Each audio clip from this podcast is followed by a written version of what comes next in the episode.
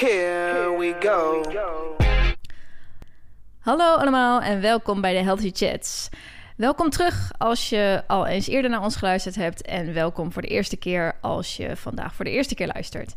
En nou zeg ik ons, maar ik zit hier vandaag alleen en in de toekomst ook. Dus ik zal eventjes uitleggen eh, waarom Aldrik, mijn eerdere podcast buddy, niet meer op de podcast zal zijn.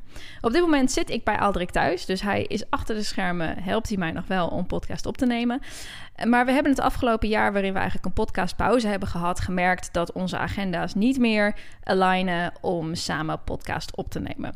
Daarnaast wil ik zelf heel graag overgaan naar het opnemen van wat kortere podcasts.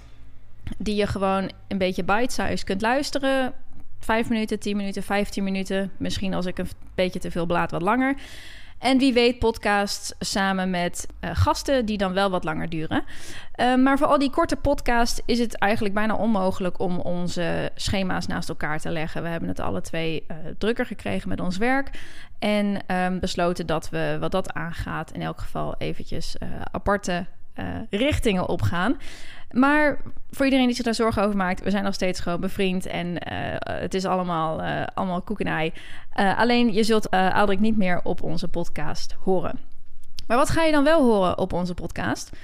Nou, zoals ik al zei, krijgt de podcast een klein beetje een nieuwe insteek. De afleveringen zullen waarschijnlijk de meeste tijd wat korter zijn.